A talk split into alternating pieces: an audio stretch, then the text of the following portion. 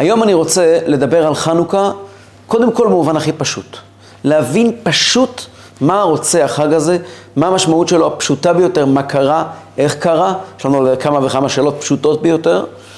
אחרי שנבין את העניין כפי שצריך, נוכל אה, לנסות ללמוד ממנו איזשהו מסר אה, למה שאנחנו חווים כעת במלחמה מול עזה. אז אולי נפתח מהשם של החג. חנוכה נקרא חנוכה.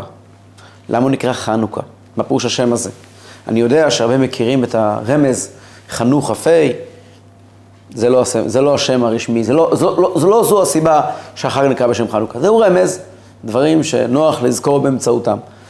המילה חנוכה מדברת על משהו אחר לגמרי. חנוכה פירושו חנוכת המשכן, חנוכת המקדש. חנוכה פירושו שימוש ראשוני. אם יש לנו את, אה, היו לנו כמה חנוכות בהיסטוריה.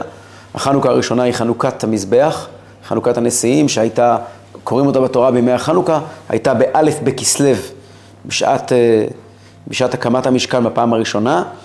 היה 13 ימים של חגיגה שנקראו חנוכה, זאת הייתה החנוכה הראשונה. החנוכה השנייה הייתה בימי שלמה המלך. כאשר שלמה המלך הקים את בית המקדש, הוא עשה חנוכה. הוא עשה חנוכת הבית, אירוע שלם שנמשך, כמו שמדובר בנביא, מאז בספר מלכים, גם בספר אה, דברי הימים, נמשך מאז יום הכיפורים עד שמיני עצרת, עם קורבנות מיוחדים ואירועים מיוחדים. אה, אחר כך לנו חנוכה נוספת בימי הקמת בית המקדש השני, בימי חגי. בספר חגי מדובר על חנוכה, על הקמת בית המקדש השני, וחגיגה מיוחדת שנעשתה אגב בחודש כסלו, חגיגה מיוחדת של חנוכה, חנוכה לכל דבר ועניין. שהם הקריבו קורבנות מיוחדים, עשו אירועים מיוחדים, כדי לחנוך, כדי לפתוח את בית המקדש השני.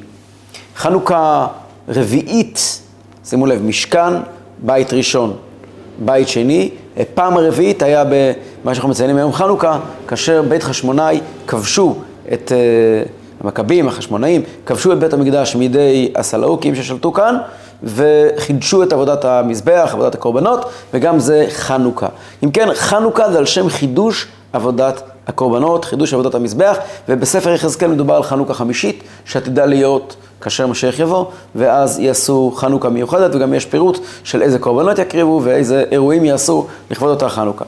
אם כן, השם חנוכה, כמו שלמדנו לפני רגע, קשור לאירוע שאירע בבית המקדש, קרה כמה פעמים, אנחנו מציינים את חנוכה אחת מתוך כל החנוכות האלה, חנוכה שאירעה בזמן, בזמן חנוכ, חנק, אה, חניכת או חנוכת בית המקדש מחדש, אחרי אה, שהוזנח תקופה ושהיה בידי השלטון הזר ששלט כאן. אוקיי, זה בנוגע לשם חנוכה, כבר הכל התחבר לנו יחד. עכשיו לסיפור של נס פח השמן. הגמרא במסכת שבת, דף כ"א, שואלת, מהי חנוכה? מה זה חנוכה? מה פירוש מה זה חנוכה? מה, אנחנו לא יודעים מה זה חנוכה? יהודים לא, לא, לא עברו מדור לדור ויספרו את הסיפור של חנוכה? אז רש"י על המקום כותב, מהי חנוכה? על איזה נס קבעוה? כלומר, למה אנחנו מדליקים נרות? על איזה נס מתוך ניסי חנוכה החליטו וקבעו לנו להדליק נרות? ואז הוא מספר את הסיפור של נס פח השמן. הגמרא מספר את הסיפור של נס פח השמן, שבעקבותיו אנחנו צריכים אה, להדליק נרות חנוכה. אני לא מבין. מה הסיפור של נס פח השמן? בוא ננסה להיזכר, לפחות בבסיסי, בבסיס המידע, בבדל, בבדלי המידע שכולם יודעים. היה פה יוונים בארץ, סוגריים, לא יוונים, אלא סלאוקים, אבל בסדר, גם חז"ל קוראים להם יוונים וכבר נבין גם למה. הם לא יוונים בכלל, אבל היו פה יוונים בארץ ששלטו, והמכבים בראשות יהודה המכבי ואבא שלו מתתיהו, בן יוחנן כהן גדול, יצאו להילחם נגדם וניצחו אותם, ואז כבשו את בית המקדש, ולא מצאו פח של שמן, וכן מצאו, ומצאו והדליק שמונה ימים. אתם מבינים שזה, קודם כל, בכלל לא בעל משמעות מול הכיבוש הגדול. נכבש, ארץ ישראל נכבשה בידי קבוצה של יהודים, אה, לוויים ליתר דיוק, כהנים, שהקימו כאן את מלכות בית חשמונאי, הקימו כאן מדינה. קמה כאן מדינה. לראשונה מאז חורבן בית ראשון, יהודים גרו בארץ, אבל מדינה לא הייתה להם. אה, בחנוכה הוקמה מדינה, נכון? ככה זה הפירוש הפשוט. מה הסיפור של נס פח השמן? למה זה חשוב בכלל? הדליקו, כן הדליקו, שמן טהור, שמן טמא. לא זה הסיפור. הוקמה כאן מדינה, מדינת יהודה חרבה בידי נבוכדנצר. יהודים חזרו לארץ בעקבות הצהרת כורש. ישבו בארץ תחת שלטונו של כורש, שלטון פרסי. השלטון הפרסי נכבש בידי אלכסנדר מוקדון היווני. היוונים שלטו בארץ עד שהייתה חלוקה ביניהם של נפות שונות, וארץ ישראל נמסרה בידיים של השלטון הסלוקי שישב בסוריה. כאן בארץ שלט אותו אנטיוכוס המפורסם, שעל שמו ישנה עיר בסוריה עד היום, אנטיוכיה, אנטיקיה, כל מיני שמות, אותו, אותו דבר. הוא עשה צרות ליהודים, היהודים התקוממו והקימו מדינה. זאת אומרת, פה, יש פה סיפור של עצמאות. מה היה סיפור בית המקדש? כן היה שמן, לא היה שמן? הלו, הקימו פה מדינה, אתה קולטים מה קורה פה? רבים מיד מעטים, ניצלו פה אנשים, לא, מה הסיפור של השמן? מה הסיפור של החנוכה הזה? הלאה. אתם מבינים שהסיפור של שמן, נס פח השמן הוא הנס המיותר בהיסטוריה. הוא הנס המיותר בהיסטוריה. מכיוון שההלכה מרשה להדליק את נרות המנורה בשמן טמא. אם אנחנו יודעים שהם טימאו כל השמנים שבהיכל, עד שבאו ומצאו פח אחד של שמן ודאגו מה... זו בהלכה וטומאה הותרה בציבור, מותר להדליק את המנורה בשמן טמא, בסדר גמור. בסדר, הם רצו שמן טהור, נחמד להם, אבל מפה ועד כזה נס דרמטי. אגב, אה, בשיר המפורסם, אה, כל העם אז, אה, כן, והכריז, כל העם מתכנס והכריז, אך זהו נס, אין לנו תיעוד לזה שכל העם התכנס והכריז אך זהו נס, היה להם הרבה ניסים לעסוק בהם באותה תקופה, לא כל העם הסתובב סביב ירושלים ובית המקדש, לא כולם היו מודעים לנס הזה, זה נס שצריכים לספר לנו עליו, לבד לא היינו יודעים ממנו. מול ניסים שכולם ראו וכולם הביטו וכולם חוו על בשרם, ניצחון, הקמת מדינה, הקמת ישות מדינית יהודית בארץ ישראל, היא מדינת יהודה. הלאה. אנחנו יודעים, כל דתקון רבנן, כן דאורייתא תקון. כל התקנות של חכמים הן כמו של תורה. אם התורה בפסח מציינים את הנס באמצעות סיפור הנס. מן תספר באוזני בנך ובן בנך. בפורים היה חשוב מאוד לחכמים לכתוב לנו מגילה, ובמגילה הזאת תהיה פרטי הנס על פרטי פרטיו. וכך מקיימים את מצוות פרסום הנס בפורים, קוראים את הסיפור. בחנוכה, אנחנו מדברים הרבה מאוד על פרסום הנס, פרסום הניסה. המילים פרסום הניסה מופיעים בהלכה בשלוש, בשלושה הקשרים. בנוגע לפסח, בנוגע לפורים, בנוגע לחנוכה. מה זה פרסום הנס בחנוכה? להדליק נרות. רגע, ומה עם סיפור הנס? מה אם נספר מה שקרה? פשוט. מישהו פה יכול למנות לי את כל השמות של המצביעים השונים שניהלו את הקרב ואיפה הוא התנהל ואיך הוא התנהל? משהו בדומה לכמה שכל ילד יודע לספר על פורים או בטח על פסח? שום דבר. לא יודעים כלום. יודעים רק על נס פח השמן ושהיה מלחמה ושניצחו. בזה מתחיל ונגמר האירוע. למה לא יודעים כלום? למה לא סיפרו לנו? למה לא כתבו לנו? ישנה מגילה שנכתבה, מגילת אנטיוכוס, שמבוססת על ספר מכבים, ספר שנכתב באותה תקופה, אבל לא שמענו שנוהגים לקרוא את זה, בטח לא באופן כל כך מודגש, אומרים הלל ומזכירים, אומרים על הניסים. בעל הניסים אנחנו מקבלים זווית מאוד מאוד מסוימת של האירועים. אה, זווית שהיא ממש ממש לא כוללת את האירוע הגדול, וכבר נדבר על הזווית שמקבלים בעל הניסים באותה תפילה שנתקנו, נתקנו לנו על ידי חכמי אותו הדור. והשאלה הגדולה מכולם, והיא המפתח לתשובה. נס, אנחנו יודעים, פנו, מגיעים לפה, אצלנו פה בבית חב"ד בחולון, זכינו לקבל הרבה אנשים בתקופה, בתקופה האחרונה שבאו לברך הגומל, לברך לקדוש ברוך הוא להודות על הנס. אה, ניצלו מהטבח ב, בשמחת תורה. יש מהם שנפצעו, ונפצעו בצורה כזו או אחרת, והם עדיין לא באו לברך, מכיוון שאי אפשר לברך לפני שמחלימים. הגומל, הם יכולים לברך אולי על ההצלה עצמה של אותו יום, אבל כשהם יצאו מבית הרפואה זה עוד הגומל. ולא מברכים הגומל לפני שמחלימים. אז יש מקום לברך הגומל בנפרד על עצם ההצלה, ואחר כך על, על, על, על, על, על היציאה מבית הרפואה. אבל בעיקרון, הגומל מברכים כשיוצאים מכלל סכנה. יוצאים מכלל סכנה, אז מברכים הגומל, וחג חוגגים כשיסתיים האירוע, לא באמצע. חנוכה, אם חוגגים בו ניצחון של מלחמה, כדאי לדעת שהיסטורית, בחנוכה לא ניצחו שום מלחמה. היסטורית, בחנוכה לא הסתיימה המלחמה. בחנוכה בסך הכל נכבש משלט חשוב, בית המקדש. מקום מאוד חשוב, מאוד מרכזי, לא מעבר לזה. התחילה מלחמה בקטן, בכפר מודיעית, שעל יד ירושלים, בין לוד לירושלים, כנראה לא רחוק ממקום שבו הקימו בימינו את העיר מודיעין, והיה קרבות ועוד קרבות ועוד קרבות, ובאמצע הקרבות הצליחו לכבוש את ירושלים ואת בית המקדש. ארץ ישראל טרם נכבשה לחלוטין, ועוד היו ונכונו להם לחשמונאים קרבות רבים, ובקרבות האלה גם נפלו גיבורים בין, בין, בין, בין אנשינו, ביניהם אחד מהמצביעים הגדולים, יונתן, אח של יהודה, ומלחמות נמשכו והיו גם הפסדים קטנים. הסיפור לא היה כזה חלק ורומנטי כפי שהוא נשמע. היה פה מלחמות, היה פה, היה פה דם שנשפך וניגר כמים. בחנוכה למעשה, כאשר חז"ל אומרים לנו שחנוכה נקבעה שנה אחרי, לשנה אחרת קבעו, עוד לא קרה כלום. מדינה אמנם התחילה להיות מוקמת, אבל uh, זאת הייתה מדינה שעדיין uh, באמצע להילחם על חייה. היא עדיין לא הוקמה באופן מושלם. איך אפשר לקבוע חג כשאנחנו עוד באמצע האירוע? בטח uh, יש כאלו כל מיני הסברים של חכמים כאלה ואחרים, שטוענים שחז"ל רצו להצניע מאיתנו את כל הרעיון של המלחמה, כי פחדו שזה יעורר מרידה מול האומות השול, השולטות בנו, וכל מיני הסברים כאלה. כל אלה לא מסבירים את העובדה הפשוטה. חנוכה, נקראה חנוכה מהפעם הראשונה, חנוכה על שם חנוכת המשכן, חנוכת המזבח, חנוכת בית המקדש, ולא על שם ניצחון של מלחמה. חנוכה נקבע כחג עוד באמצע הקרבות. כלומר, עוד לפני שהוקמה אותה מדינה באופן מושלם, למעשה בחנוכה אין שום קשר לאיזושהי הקמה של איזושהי מדינה או לאיזושהי מלחמה קיומית שהסתיימה. וכך אנחנו אומרים ועל הניסים, כפי הדרך שבה חז"ל בחרו כן לספר לנו את הסיפור. וצריכים להבין, לפני שאני מתחיל לקרוא את על הניסים, צריכים להבין שכשחז"ל מספרים סיפור, הם לא ספר היסטוריה. וקצת מטופש יהיה לנסות להבין את מהלכי החורבן מתוך הגמרא במסכת גיטין, דף נ"ה, שמספרת לנו מה היה בחורבן בית המקדש במרד הגדול. מי שרוצה לדעת מה היה בחורבן, אה, אה, שורה אחרי שורה, רגע אחרי רגע, יתכבד ויקרא את ספרו של אה, יוסף בן מתתיהו הכהן.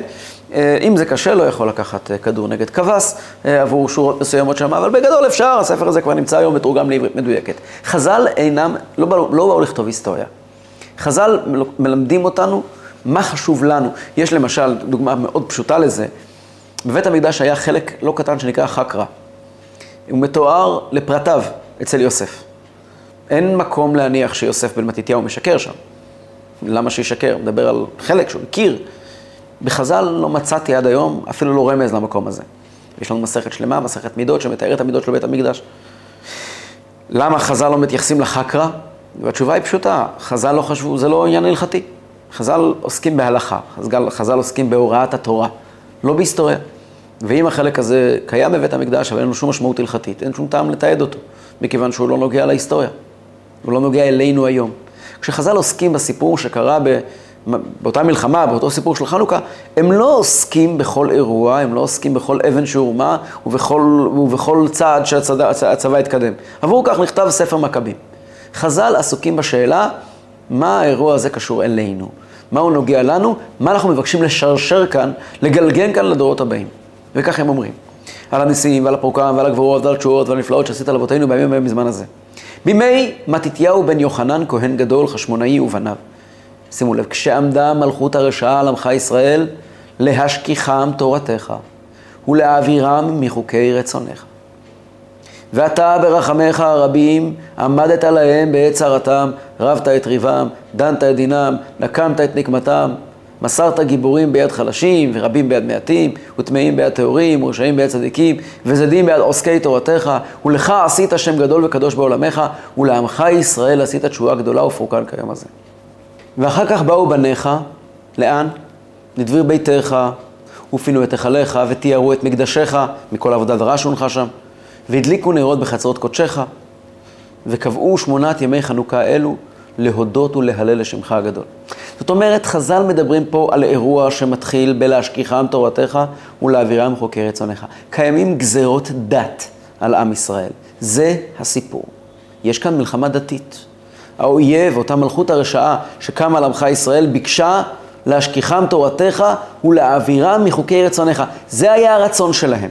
המלחמה קמה לא על מנת להקים מדינה.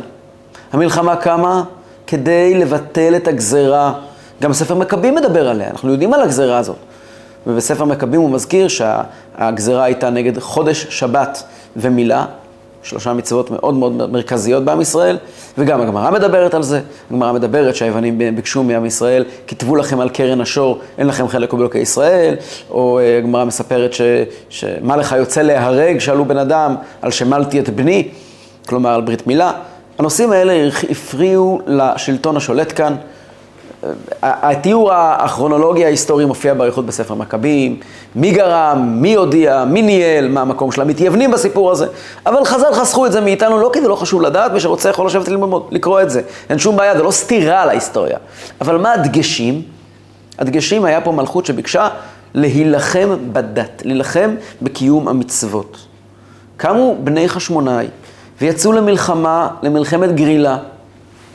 למלחמת גרילה שהסיום שלה הוא רצון להחזיר לעם ישראל את, הרצון, את, את היכולת לקיים מצוות. זאת הייתה מטרת המלחמה. על הדרך הוקמה גם מדינה.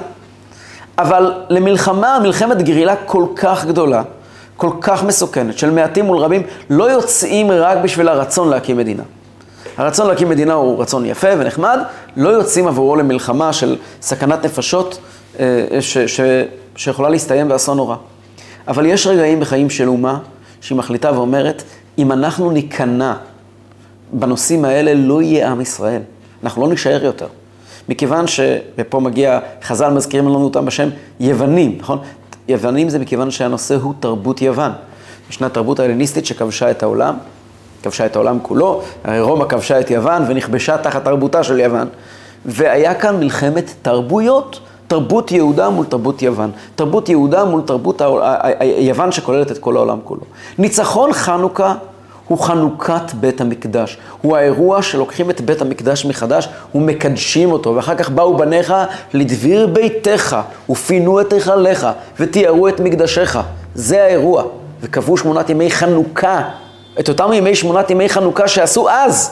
בבית המקדש כאשר חנכו אותו מחדש, כמו שספר מכבים מזכיר, שחגגו מחדש את סוכות שלא הספיקו לחגוג קודם, וחגגו מחדש את חנוכת המקדש, מכיוון שהיה צריך לחנוך אותו מחדש, זה האירוע. אגב, היה עוד זיכרון לאירוע הזה שבימינו לא, לא נהוג. אה, אנחנו יודעים שכאשר היוונים נכנסו לבית המקדש, הם לא החריבו אותו, הם טימאו אותו. הם, אה, הם ביטלו שם כמה דברים, ובין היתר הם אה, פסלו את המזבח. הקריבו עליו עבודה זרה, והיו צריכים רק כך אה, לנטוץ את המזבח ולבנות חדש. היה מקום בבית המקדש שבו היה אבני המזבח הישנות, הישנים אה, מונחים לגניזה. ועוד דבר הם עשו, את בית המקדש סבב אה, מה שנקרא סורג.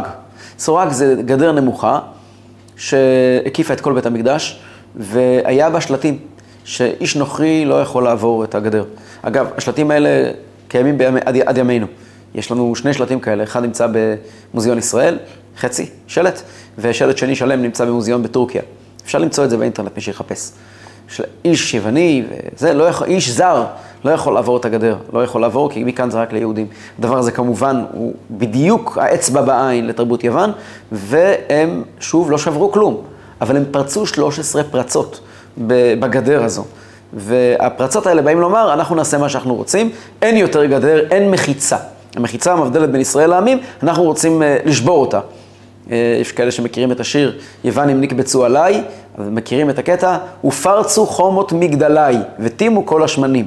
ופרצו חומות מגדלי, זה 13 פרצות האלה שהם עשו בסורג, וכאשר באו מלכות בית חשמונאי וניצחו, אז תיקנו לנו, הם לקחו את אותם 13 פרצות, במקום uh, לסגור אותם מחדש, הם הפכו אותם לסוג של אנדרטאות. הם uh, גידרו את הנקודות האלה בצורה יפה. וקבעו חובה להשתחוות לשם בהודיה כאשר עוברים על יד. אז אה, בעצם לקחו את ה... להזכיר לנו בעצם על מה הייתה המלחמה. אם כן, הרעיון של המלחמה בבסיס הוא לא מלחמת קיום ולא מלחמת עצמאות ולא מלחמה כדי להינצל מהצר הצורר, אלא מלחמה דתית. היה פה אירוע שנוהל בידי יוונים, יוונים במובן של תרבות יוון, כי אלו לא היו ליוונים. והאירוע הזה הסתיים בחנוכה. נכון, היו עוד קרבות, אבל הקרבות האלה כבר היו על עצמאות. ולא, הם, בחנוכה הסתיים דבר, נכבש בית המקדש, והתחילו, חידשו את עבודת המקדש, חגגו שמונת ימי חנוכה, כלומר חנכו את בית המקדש, והאירוע הזה נחוג כחג. איך נכנס פה נס פח השמן? אז במהלך חנוכת בית המקדש צריכים לחנוך את כל הכלים. המנורה לא הייתה להם, השתמשו בכלי אחר במקום מנורה, בשיפודים עשויי עץ, אה, והם היו צריכים למלא אותה בשמן כדי להתחיל להאיר את המנורה. והם החליטו שהם לא רוצים להתחיל את בית המקדש, את ההתחלה החדשה הזאת בשמן טמא, למרות שמותר, מכיוון שכל המלחמה שלהם הייתה אה, אה, במובן הסמלי והרעיוני על פח השמן הטהור, על, על האור של עם ישראל, על השמן של עם ישראל, על החוכמה של עם ישראל, על תורת ישראל, על זה הייתה המלחמה, ולכן הם החליטו שהם ילכו עד הסוף כדי שהשמן יהיה טהור. הם לא רצו לפספס יום אחד, רצו מיד להדליק שמן. הם מצאו באמת פח אחד של שמן, חתום מחותמו של כהן גדול, שכולם ידעו שהוא אכן כשר, והקדוש ברוך הוא בעצם הביע להם, זה הנס הגדול של נס פח השמן, למה זה כל כך אה, אה, דרמטי. כביכול הם קיבלו אישור מהקדוש ברוך הוא שאומר להם, אני אוהב אתכם, אני, אני, אני אוהב את מה שאתם עושים, אני מסכים איתכם, עם המלחמה שלכם ועם הניצחון שלכם, ואני כאן איתכם, בעצם אותת להם, תקופה שכבר לא הייתה נבואה, ולא היה רוח הקודש, ולא היה התגלות, הוא אותת להם בצורה כזאת של התגלות ממש, הנה תראו, אני איתכם ברעיון הזה של החנוכה, של החנוכה והחניכה של בית המקדש מחדש באור של שמן ניסי, אור של שמן טהור, אור של שמן של קדושה. כלומר, הרעיון של נצח ישראל לא ישקר, הרעיון הזה שעם ישראל חי וקיים, עם ישראל חי, במובן הרעיוני, לא במובן הגופני, אלא במובן הרעיוני. זו הסיבה שחנוכה נחוג בהלל והודיה והדלקת נרות. כלומר, הרעיון הוא פה לגמרי מלחמה, מלחמה רעיונית. איך זה קשור לעכשיו? או, oh, כמה שזה חשוב לעכשיו, קשור לעכשיו. המלחמה הגדולה בינינו לבין האויבים שלנו מדרום ומצפון ומכל העולם כולו ומזכ"ל האו"ם וכל החבורה שלו, היא גם מלחמה על תרבות. היא מלחמה אמיתית על השאלה האם אנחנו, יש לנו קשר לחלקת האדמה הזאת, או שאנחנו פולשים בה? האם הסיבה שאנחנו קשורים לאדמה הזאת היא מכיוון שקיבלנו אותה בהצהרת בלפור? אם אנחנו, או אולי בגלל הסכמת האו"ם, אז אם אנחנו פה בגלל הסכמת האומות, האומות מזמן היו רוצים שנעזוב כאן. אבל אם אנחנו כאן בגלל ההבטחה, בגלל האמונה, בגלל הידיעה שהקדוש ברוך הוא נתן לאברהם אבינו את ארץ ישראל, והבטיח אותה לנו, והקשר שלנו אליה הוא קשר דתי, ככל שנאמין יותר ונתמיד יותר בהבנה הזו ונחנך עליה, החמאס שטוען הפוך, לא יהיה לו מקום לשרוד יותר. המלחמה בחמאס לא יכולה להיות רק מלחמה גופנית. כי הרי חנוכה מלמד אותנו שגם מעטים יכולים לנצח רבים, כאשר הם מחזיקים בידיים שלהם את פח אחד של שמן חתום בחותמו של כהן גדול. חיילי צה"ל, שבמסירות נפש עצומה, מוסרים את נפשותיהם בשביל עם ישראל, בשביל הקדוש ברוך הוא, לא עושים את זה כדי, רק כדי שנוכל לחיות כאן. הם עושים את זה, כמו שהם בעצמם אומרים, כי הם מרגישים חלק מלוחמי בר כוכבא, מלוחמי החשמונאים, מכל הדורות מדוד המלך. מכיוון שהם חלק מעם ישראל הרעיוני. המלחמה היא מלחמה רעיונית, וניצחון בעזרת השם גם יהיה ניצחון רעיוני, ניצחון כאשר כולנו, נאחז כולנו באותו דגל גדול שאומר, מי להשם אליי, או כמו שכתוב בספרים, שמכבי, ראשי תיבות, מי כמוך באלים השם. נאחז כולנו בדגל הזה של מי כמוך באלים השם, ההיפוך של אללהו אכבר. בעזרת השם נזכה לגאולה אמיתית ושלמה, לגאולה כוללת ואמיתית ולחנוכה, חנוכת המזבח של בית המקדש השלישי במהרה בימינו.